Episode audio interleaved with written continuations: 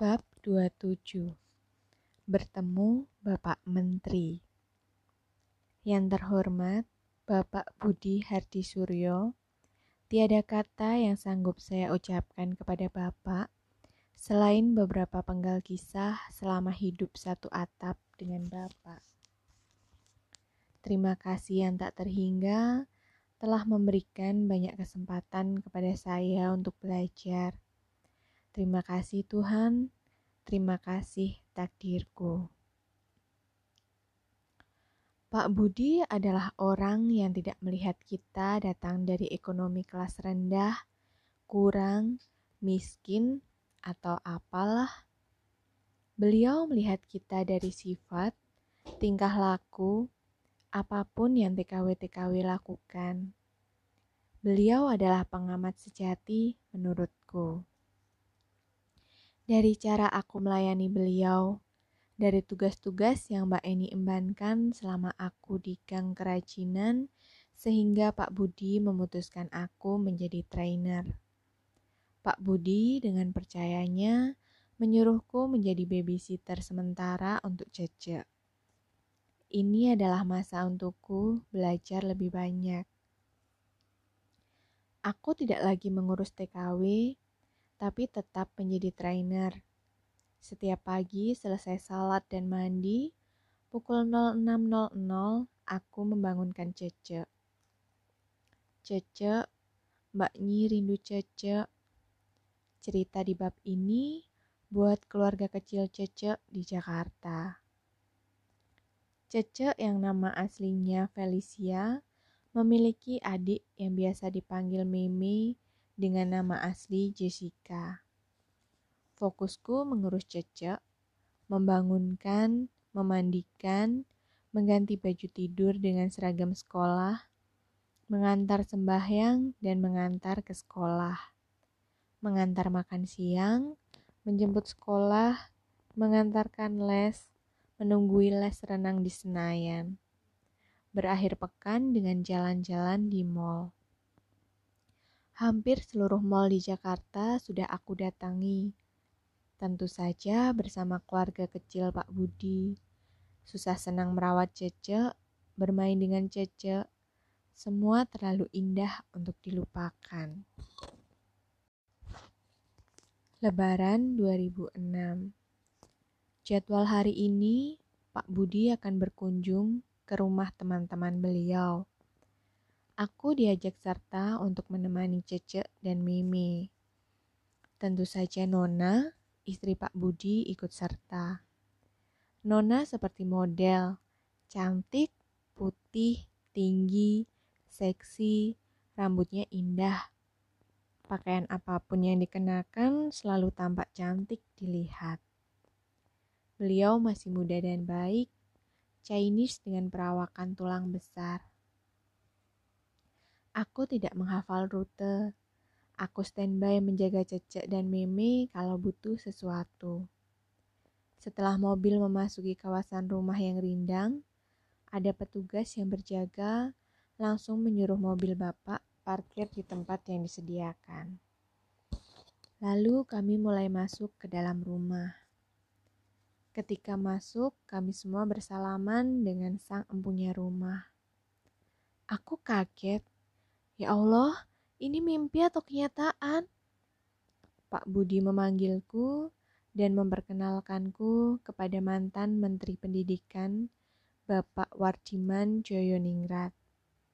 Bapak Budi bercerita bahwa aku salah satu TKW beliau yang sudah pernah bekerja di Hong Kong. Mungkin Pak Budi bercerita kalau beliau mempunyai bisnis PJTKI. Aku hanya menyapa dengan senyuman, gak tahu harus berbuat apa. Speechless, norak ya. Terlalu banyak menu yang tersaji di meja yang telah disiapkan untuk para tamu undangan. Nona menyuruhku makan, tidak usah memedulikan Cece dan Meme, karena mereka juga sedang asik bermain dengan anjing peliharaan. Biarkan saja bermain, katanya. aku mulai mengambil piring untuk mencicipi menu. Setelah dari rumah Pak Wardiman, kami melaju kembali ke rumah-rumah mewah lainnya. Sepertinya pejabat-pejabat besar, tapi aku tidak tahu namanya. Setelah selesai muter-muter, lelah kami jalan-jalan ke Mall Taman Anggrek, lalu mobil meluncur pulang. Hari kedua masih muter lagi, tapi lebih banyak mengunjungi mall. Senayan City, PIM, La Piazza, dan lain-lain, aku lupa. Pak Budi juga tidak sungkan membelikan makanan, makan semeja atau mau dibawa pulang terserah. Terharu dan bangga, Pak Budi tidak pernah membeda-bedakan siapa aku. Setiap Jumat, Aku, Cece, dan Meme pergi les renang di Senayan. Menunggu Cece dan Meme les, aku ditemani babysitter Mimi. Aku lupa namanya. Perawakannya agak kecil dariku. Lebih tua dan kulitnya hitam manis. Setelah Cece mengerjakan PR, kami bermain bersama. Kadang Pak Budi turut serta bermain. Beliau orang besar, tapi down to earth. Kalau cecek sekolah, aku turun ke lantai satu, membantu memfotokopi atau membantu interview dengan bahasa kantonis dan membantu mencari dokumen. Kadang aku berharap ingin bekerja seperti mbak-mbak di kantor itu, memakai kemeja dan rok rapi, rambut selalu rapi, penampilan menawan, memiliki meja sendiri, menghadap layar komputer. Bekerja dengan penuh cinta, menjemput masa depan lebih baik lagi. Setiap kali memandang mereka, aku merasakan impian begitu nyata, atau ini hanya obsesiku semata. Menjelang keberangkatanku, Aku sempat menangis berpisah dengan Cece dan Meme. Penerbanganku saat itu pagi buta pukul 05.00. Pukul 04.00 kami sudah harus siap di bawah untuk menuju bandara. Cece dan Meme dengan kekehnya bangun menunggu setiap detik menjelang keberangkatanku, memberikan pernak-pernik untuk kenang-kenangan.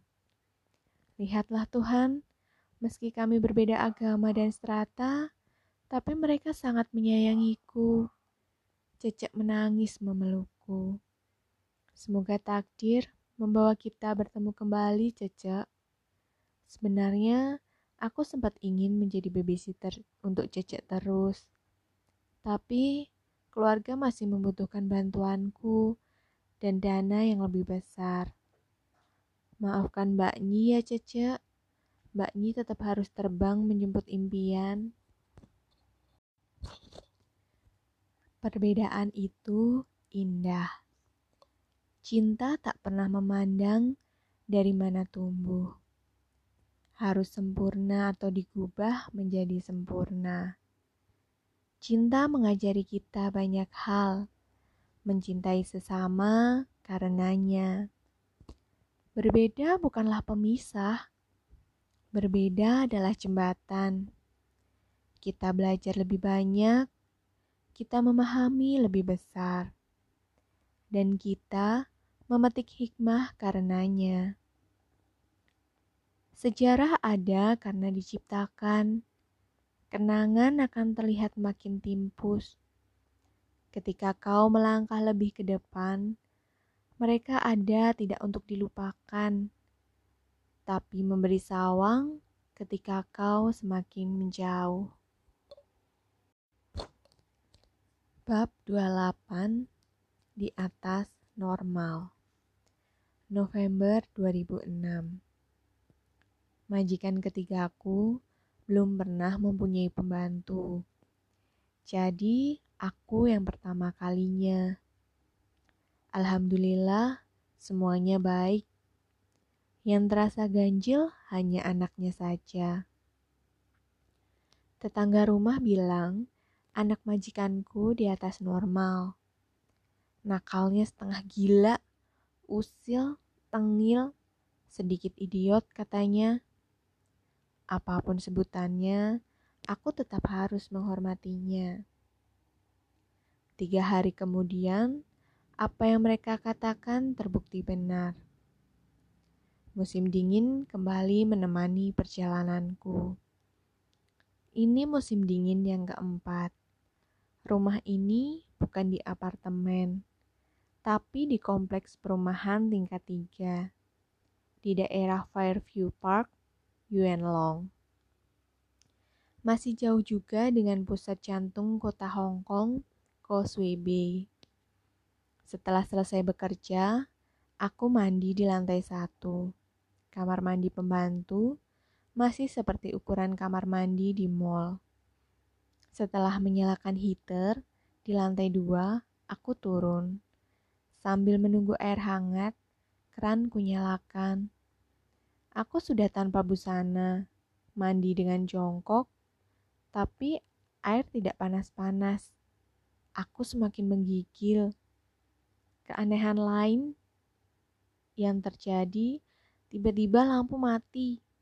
Sesosok bayangan dari luar seperti mengintip. Tapi lampu di luar jendela terlihat menyala. Pasti ini ulah anak majikanku.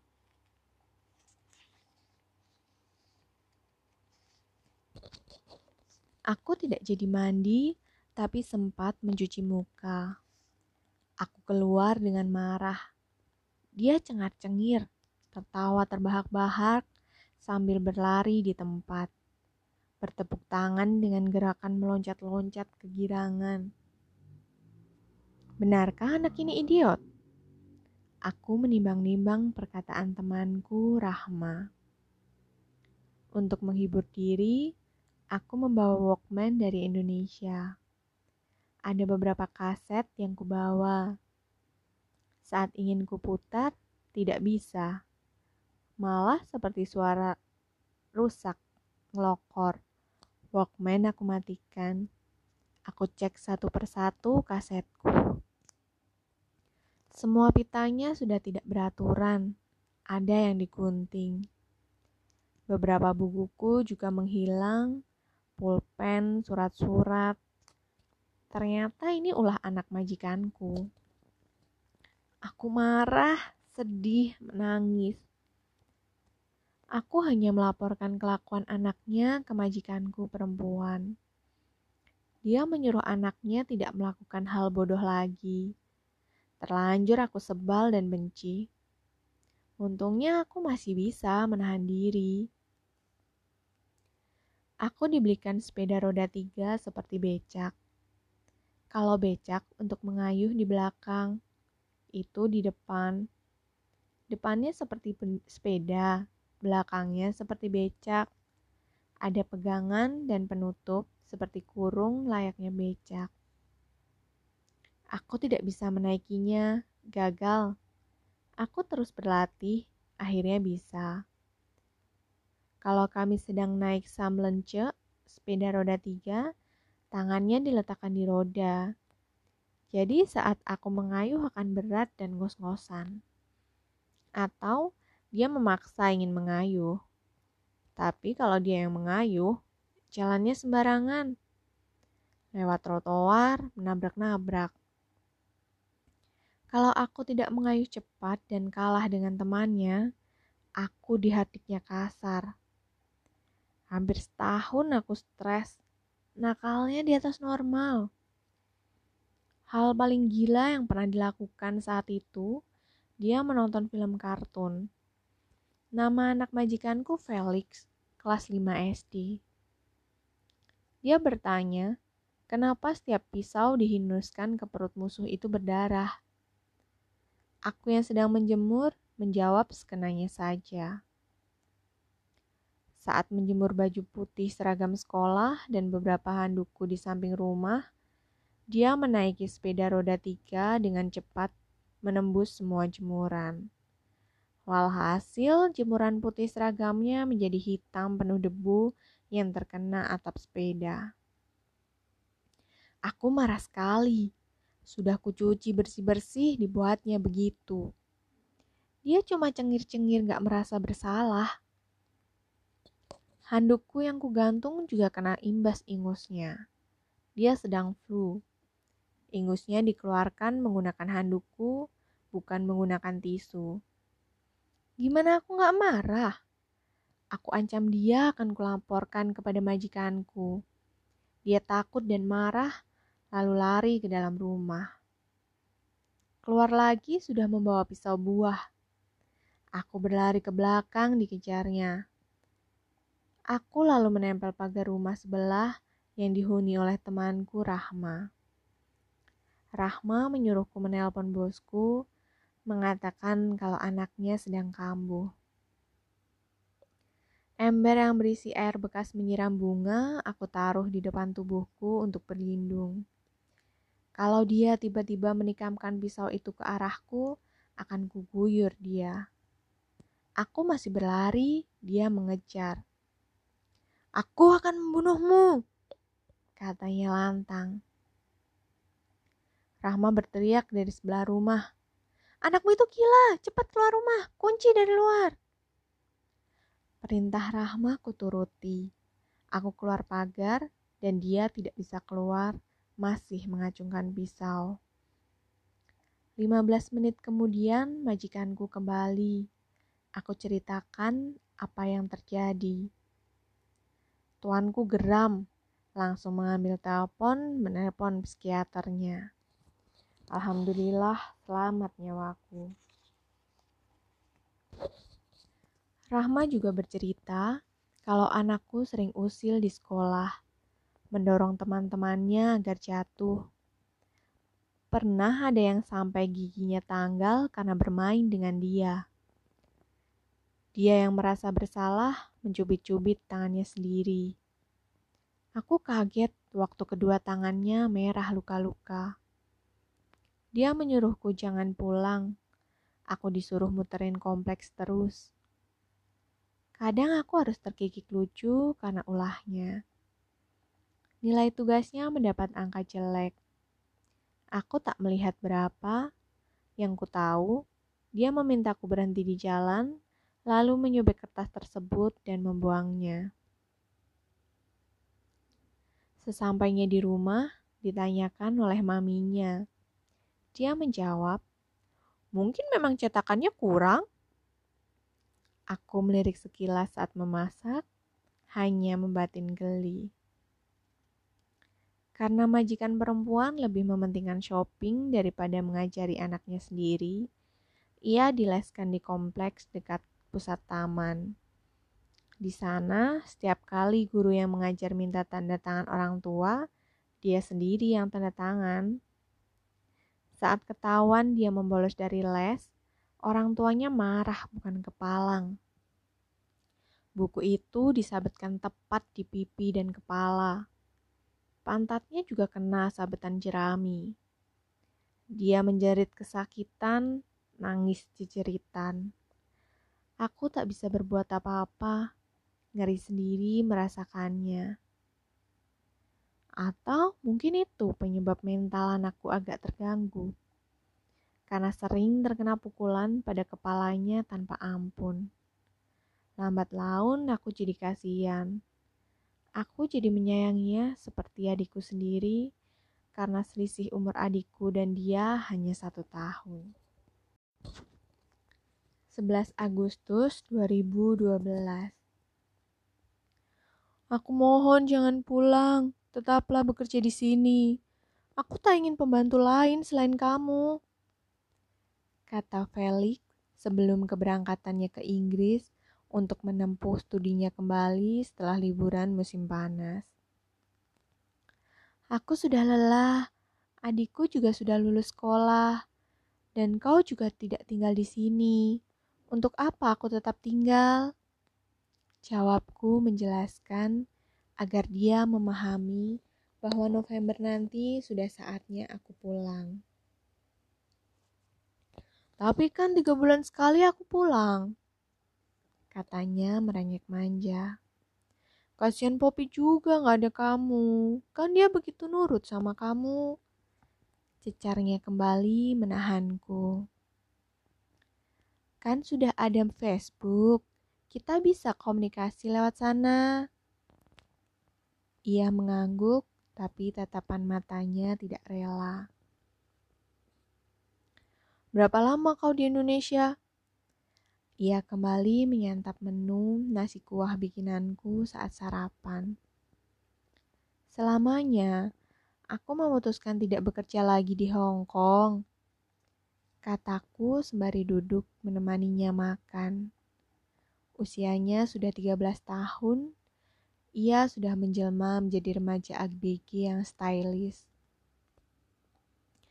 Dua tahun cukup kan kau di rumah untuk istirahat? lalu kembali ke sini lagi, entah pernyataan atau kalimat permohonan. Kepalanya meneleng menoleh ke arah kanan di mana aku duduk. Berjanjilah padaku, kau akan kembali lagi ke sini. Mami pasti mau menerimamu lagi, aku yakin. Ku balas tersenyum. Kau pasti sudah kau pasti sudah punya pembantu baru, dan dia akan merawatmu lebih baik dariku. Ujarku meyakinkan agar dia tidak merasa kecewa. Gak ada yang sebaik kamu, selamanya aku cuma ingin kamu. Jangan khawatir, aku tidak akan melupakanmu, Felix. Kalau kau rindu, kita bisa chat kan dari jauh.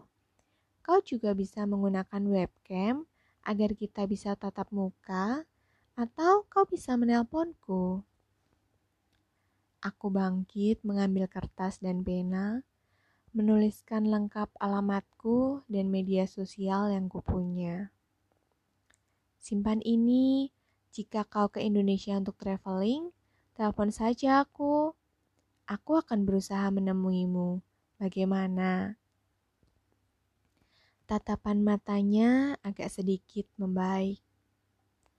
Satu tahun cukup untuk meluluhkan hati anak majikanku, mesti meski disertai dengan tangis dan luka. Tapi alhamdulillah aku dapat mereguk bahagianya sekarang. Bahkan ia lebih dekat denganku daripada orang tuanya sendiri. Ia sering bercerita tentang sekolahnya, teman-temannya, asramanya, dan hari-hari yang dijalaninya di Inggris. Seandainya kau boleh ikut aku ke sana, aku akan merasa sangat bahagia. Aku tertawa lebar menanggapi perkataannya. Gak mungkin, kau kan sudah tinggal di asrama. Di asrama gak enak, Aku setiap hari hanya makan kentang, salad, hamburger, itu-itu saja. Aku bosan. Tidak ada yang seenak masakanmu. Aku rindu masakanmu di sana. Aku selalu bahagia setiap kali pulang ke rumah. Begitu sebalnya aku dulu pada Felix. Perputaran waktu menjadikan kami semakin memiliki ikatan kuat. Ikatan saling membutuhkan yang takut kehilangan. Seandainya saja orang tuamu mau berbaik hati sedikit saja memberikan hakku, mungkin aku akan bertahan untuk tinggal. Sayangnya tidak. Aku tetap harus pulang, Felix. Akhirnya kami sama-sama diam, tak bisa melawan takdir yang sudah digariskan. Tugasku menyekolahkan adik selesai dan kontrak kerjaku juga berakhir. Saatnya aku akan menapaki hidup baru, membuka lembaran hari bersama lebih dekat dengan keluarga. Uang tak akan pernah selesai jika dituruti untuk dicari. Hal baik dan buruk dalam hidup yang kita lalui adalah cara Allah mengingatkan kita untuk selalu bersyukur karena bersyukur akan banyak bahagia pula.